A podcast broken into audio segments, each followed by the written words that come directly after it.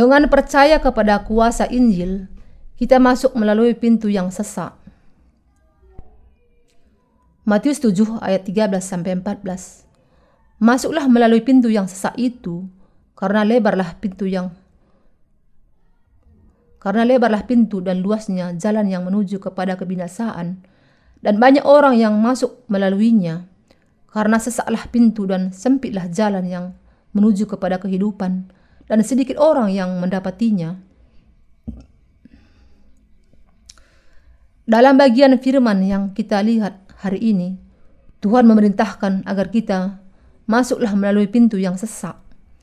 Apakah kemudian pintu yang sesak yang diperintahkan untuk kita masuki itu, dan apa yang dimaksudkannya dengan pintu yang lebar.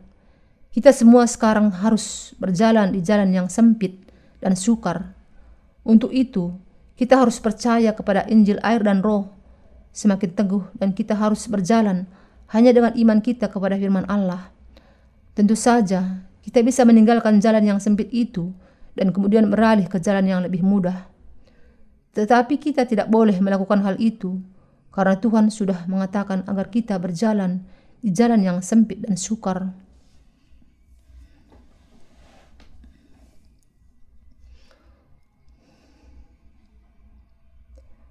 Ada banyak orang di dunia ini yang tidak suka masuk melalui pintu yang sempit dan sukar karena jalannya nampak terlalu sempit, sukar dan berbahaya bagi mereka, dan hanya sedikit orang yang menemukannya. Mereka menjadi ragu-ragu untuk melewatinya, dan mereka bahkan berpikir bahwa orang yang ada di jalan ini pastilah orang yang bodoh. Akan tetapi, iman yang demikian bukanlah iman orang percaya yang bijaksana. Di jalan yang sempit itulah hikmat yang membawa kepada kehidupan bisa ditemukan. Mereka yang ada di jalan ini untuk menjalani kehidupan adalah orang-orang yang bijaksana jadi orang-orang demikian tidak ragu-ragu untuk melalui jalan ini, meskipun mungkin jumlah mereka hanya sedikit. Ketika benar sekali bahwa di dunia ini banyak sekali orang yang tidak suka dengan jalan yang sempit, tetapi tidak sama, tidak semua orang berpikir demikian. Meskipun jumlah mereka mungkin sedikit, tetap saja ada orang-orang yang sungguh-sungguh mencari jalan yang sempit dan bersuka cita melalui jalan itu. Bagi semua orang, agar bisa diselamatkan dari dosa-dosanya, ia mutlak harus masuk melalui pintu yang sempit itu. Jalan yang sempit adalah jalan kebenaran, jalan kepada kehidupan kekal. Orang dalam jumlah yang tidak terhitung banyaknya di dunia ini mengakui bahwa kepada Yesus, mengakui percaya kepada Yesus, tetapi banyak di antara mereka yang sebenarnya sedang berjalan di dalam jalan yang lebar karena kegagalan mereka untuk memahami dan percaya bahwa Yesus menanggung segala dosa dunia dengan dibaptiskan oleh Yohanes Pembaptis.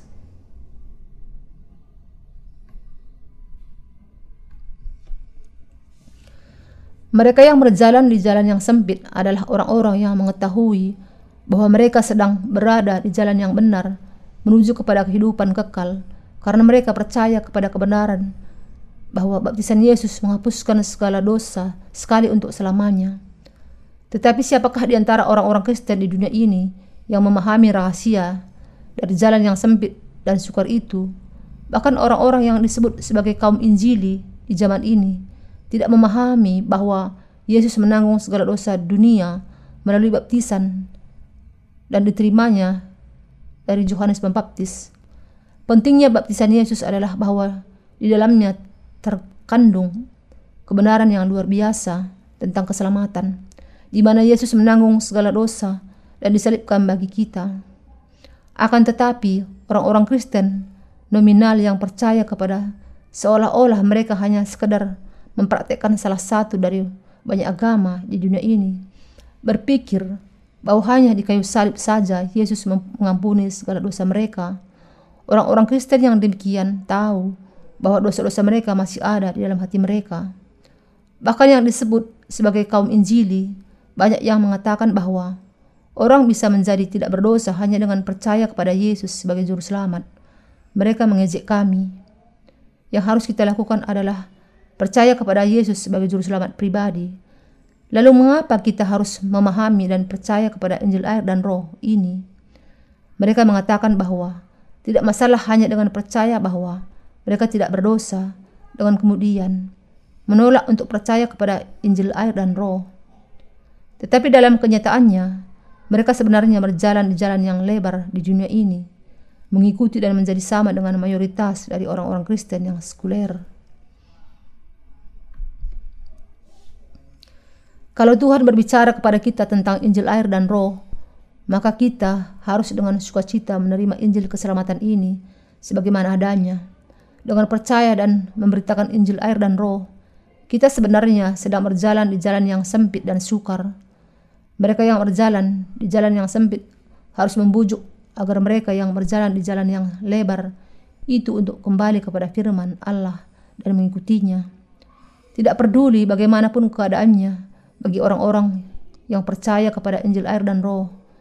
Ketika Tuhan sendiri mengatakan agar mereka melalui jalan yang sempit, maka mereka harus melalui jalan yang sempit ini dengan iman. Akan tetapi, karena begitu banyak orang Kristen yang sudah membuat banyak kompromi dengan orang-orang dunia ini untuk berjalan di jalan yang lebar, bagaimana mungkin mereka bisa menerima pengampunan dosa ke dalam hati mereka? Orang-orang Kristen yang demikian menjalani kehidupan mereka sambil berkompromi dengan orang-orang dunia yang masih memiliki dosa di dalam hati mereka dan mereka hanya berjalan di jalan yang lebar sampai akhir mereka menuju kebinasaan mereka. Meskipun mereka mengaku percaya kepada Yesus sebagai juru selamat mereka. Rasul Paulus mengatakan, "Atau tidak tahukah kamu bahwa kita semua yang telah dibaptis dalam Kristus telah dibaptis dalam kematiannya. Roma 6 ayat 3. Ia juga mengatakan, "Tetapi kamu tidak hidup dalam daging, melainkan dalam roh. Jika memang roh Allah diam di dalam kamu, tetapi jika orang tidak memiliki roh Kristus, ia bukan milik Kristus." Roma 8 ayat 9. Akibat dari percaya kepada Yesus sebagai juru selamat adalah diselamatkan dari dosa dan memiliki Roh Kudus berdiam di dalam hati. Meskipun Roh Kudus tidak bisa dilihat dengan mata kita sendiri, ia adalah roh kebenaran yang turun ke atas orang-orang yang percaya kepada Injil air dan roh yang diberikan oleh Yesus. Dan peranan Roh Kudus adalah untuk memberitakan, memberikan kesaksian kepada orang-orang yang percaya kepada Injil air dan roh itu meyakinkan mereka. Tuhan sudah dengan sempurna menyelamatkan engkau dari segala dosamu melalui Injil air dan roh. Engkau sekarang ini tidak memiliki dosa. Karena ia adalah roh yang memberikan kesaksian akan kebenaran firman di dalam hati orang-orang yang percaya kepada Injil air dan roh. Maka tidak mungkin lagi ditemukan dosa di dalam hati mereka. Ia berdiam di dalam hati orang-orang yang dilahirkan kembali dan membuat pikiran mereka memperhatikan kesaksian keselamatan. Roh Kudus memberikan kesaksian dengan kata lain bahwa segala dosa dunia sudah ditanggungkan kepada Yesus ketika ia dibaptiskan oleh Yohanes Pembaptis. Roh Kudus memampukan mereka yang melalui jalan yang sempit memberikan iman kepada mereka, menuntun dan mengajar mereka di dalam segala sesuatu dengan firman kebenaran dan berpegang teguh kepada mereka dengan mengingatkan kita akan Injil air dan roh bahwa ia sudah menghapuskan segala dosa. Roh Kudus menguatkan jiwa, pikiran dan tubuh kita. Ia memberi kesaksian. Singkatnya, bahwa Yesus dibaptiskan bagi kita dan mati di kayu salib bagi kita.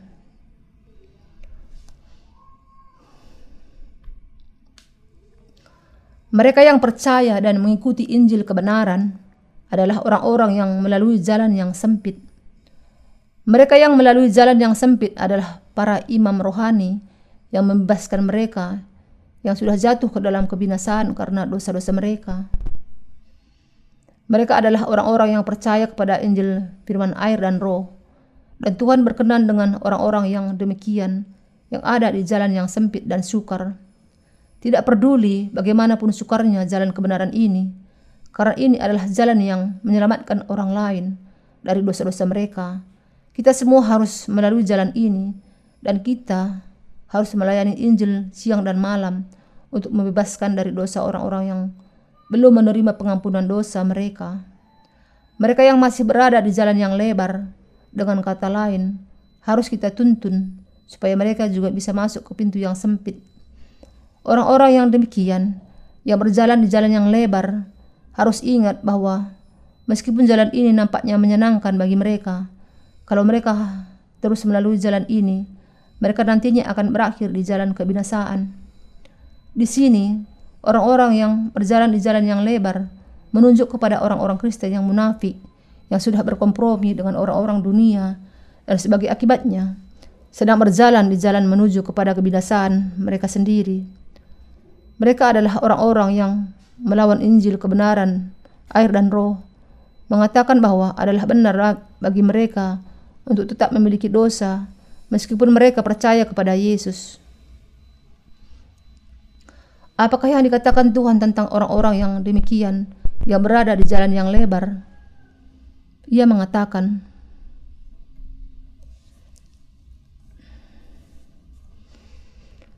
Karena lebarlah pintu dan luaslah jalan yang menuju kepada kebinasaan, dan banyak orang yang masuk melaluinya. Dengan istilah yang berbeda, ada banyak orang Kristen yang yang dosa-dosanya tetap ada dan jatuh ke dalam kebinasaan mereka sendiri. Meskipun mereka mengatakan bahwa mereka percaya kepada Yesus karena kegagalan mereka untuk memahami kebenaran Injil air dan Roh, akan tetapi, inilah iman yang palsu dari mereka yang sangat menarik bagi orang. Dan inilah jalan lebar menuju kebinasaan yang dilalui orang banyak orang.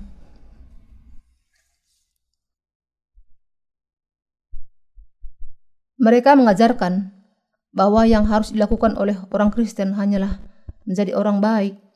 Tetapi pengajaran yang sangat keliru ini sangat jauh dari kebenaran. Jenis pengajaran yang seperti ini sangat berbeda dengan kebenaran Injil air dan roh yang membuat kita tidak memiliki dosa. Meskipun demikian, orang-orang dunia ini menemukan bahwa iman dari orang-orang yang tidak percaya kepada Injil air dan roh lebih menarik hati. Meskipun orang-orang Kristen nominal yang demikian belum menerima pengampunan dosa mereka, meskipun mereka datang ke gereja mereka masih diterima oleh orang-orang sekuler kalau mereka menjalani kehidupan yang baik saja. Tetapi Allah tidak menerima jenis iman yang demikian itu sebagai iman yang benar. Karena itu, kita yang memilih jalan yang sempit sedang menjalani kehidupan kita di dalam gereja Allah yang memberitakan Injil air dan roh. Firmannya yang mengikuti kehendaknya. Kita sudah mendengar dan percaya firman Injil air dan roh dan dengan demikian, kita sudah diselamatkan dari segala dosa kita dan menjadi tidak memiliki dosa sekali untuk selamanya. Dan setelah diselamatkan dari segala dosa kita, kita menjadi pekerjanya Allah dan membawa jiwa-jiwa yang lain kepada jalan kehidupan. Jadi kita menjadi orang-orang yang berjalan di jalan jalan yang sempit dan sukar. Akan tetapi, kebanyakan orang Kristen tidak percaya kepada Yesus agar bisa dibasuhkan bersih dari dosa-dosa mereka dan mereka juga tidak ingin menjadi orang-orang benar. Sangat menyedihkan untuk melihat bahwa iman yang demikian menjadi semakin lama semakin berkembang dan bahwa para pendukung mereka begitu merasa bangga ketika mereka berjalan di jalan yang lebar, jalan yang sekuler. Mereka selalu membunyikan trompet mereka sebagai tanda pamer dan menganggap diri mereka sebagai orang yang bijaksana. Mereka bahkan tidak memahami bahwa adalah salah salah bagi mereka untuk berjalan di jalan yang lebar dan sebaliknya mereka harus mengatakan bahwa orang-orang yang dilahirkan kembali yang berjalan di jalan yang sempit itu sebagai orang-orang yang bodoh. Bahkan orang-orang Kristen tidak menyadari bahwa mereka sebenarnya sedang berjalan di jalan yang lebar tanpa memahaminya. Bagi mereka, agar bisa dikenali oleh orang lain dan mendapatkan nama besar duniawi adalah yang paling penting dan agak disayangkan. Iman mereka juga menarik dan membawa mereka banyak orang, sama seperti politikus yang pintar menunjukkan diri akan mendapatkan banyak dukungan suara. Mereka sangat mengerti apa yang diinginkan orang dan apa yang mereka kehendaki. Mereka mengatakan apa yang menyenangkan telinga manusia dan bukan menyenangkan Allah. Mereka adalah guru-guru palsu dan para hamba iblis, hamba Allah yang sebenarnya tidak pernah melakukan apa yang dilakukan oleh guru-guru palsu itu. Sebagaimana yang dikatakan oleh Rasul Paulus,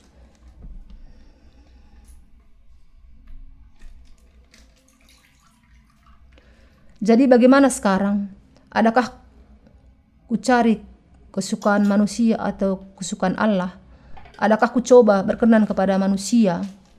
Sekiranya aku mas masih mau mencoba berkenan kepada manusia, maka aku bukanlah hamba Kristus. Galatia 1 ayat 10. Ketika karena itu, kita semakin memiliki alasan untuk membuang iman dunia ini dan mengikuti Injil air dan roh yang membawa kita ke jalan yang sempit yang memperkenankan Tuhan kita. Untuk itu, kita harus percaya bahwa Injil air dan roh adalah kebenaran yang meletakkan kita di jalan yang sempit dan harus mengikutinya sedemikian. Dengan menempatkan iman kita di dalam firman kebenaran yang tertulis, kita semua harus mengikuti jalan ini. Kita harus memahami mengapa Tuhan mengatakan bahwa hanya sedikit saja yang melalui pintu yang sempit itu karena kesukarannya dan kita harus mengikuti dan melayani Injil air dan roh. Bagi kita yang sudah dilahirkan kembali, sudah sampai ke pintu yang sempit ini karena kita percaya kepada Injil air dan roh dan kita juga berjalan di jalan yang sempit bersama-sama dengan Injil air dan roh. Orang-orang benar yang percaya kepada Injil air dan roh sudah jelas tidak akan bisa melalui jalan yang lebar itu karena ada tertulis, Janganlah kamu mengasihi dunia dan apa yang ada di dalamnya. Jikalau orang mengasihi dunia, maka kasih akan Bapa tidak ada di dalam orang itu. Sebab semua orang ada di dalam dunia, yaitu keinginan daging dan keinginan mata, serta keangkuhan hidup, bukanlah berasal dari Bapa, melainkan dari dunia. Dan dunia ini sedang lenyap dengan keinginannya. Tetapi orang yang melakukan kehendak Allah tetap hidup selama-lamanya. 1 Yohanes 2 ayat 15 sampai 17. Saya bersyukur kepada Tuhan kita yang sudah meletakkan kita di jalan yang sempit.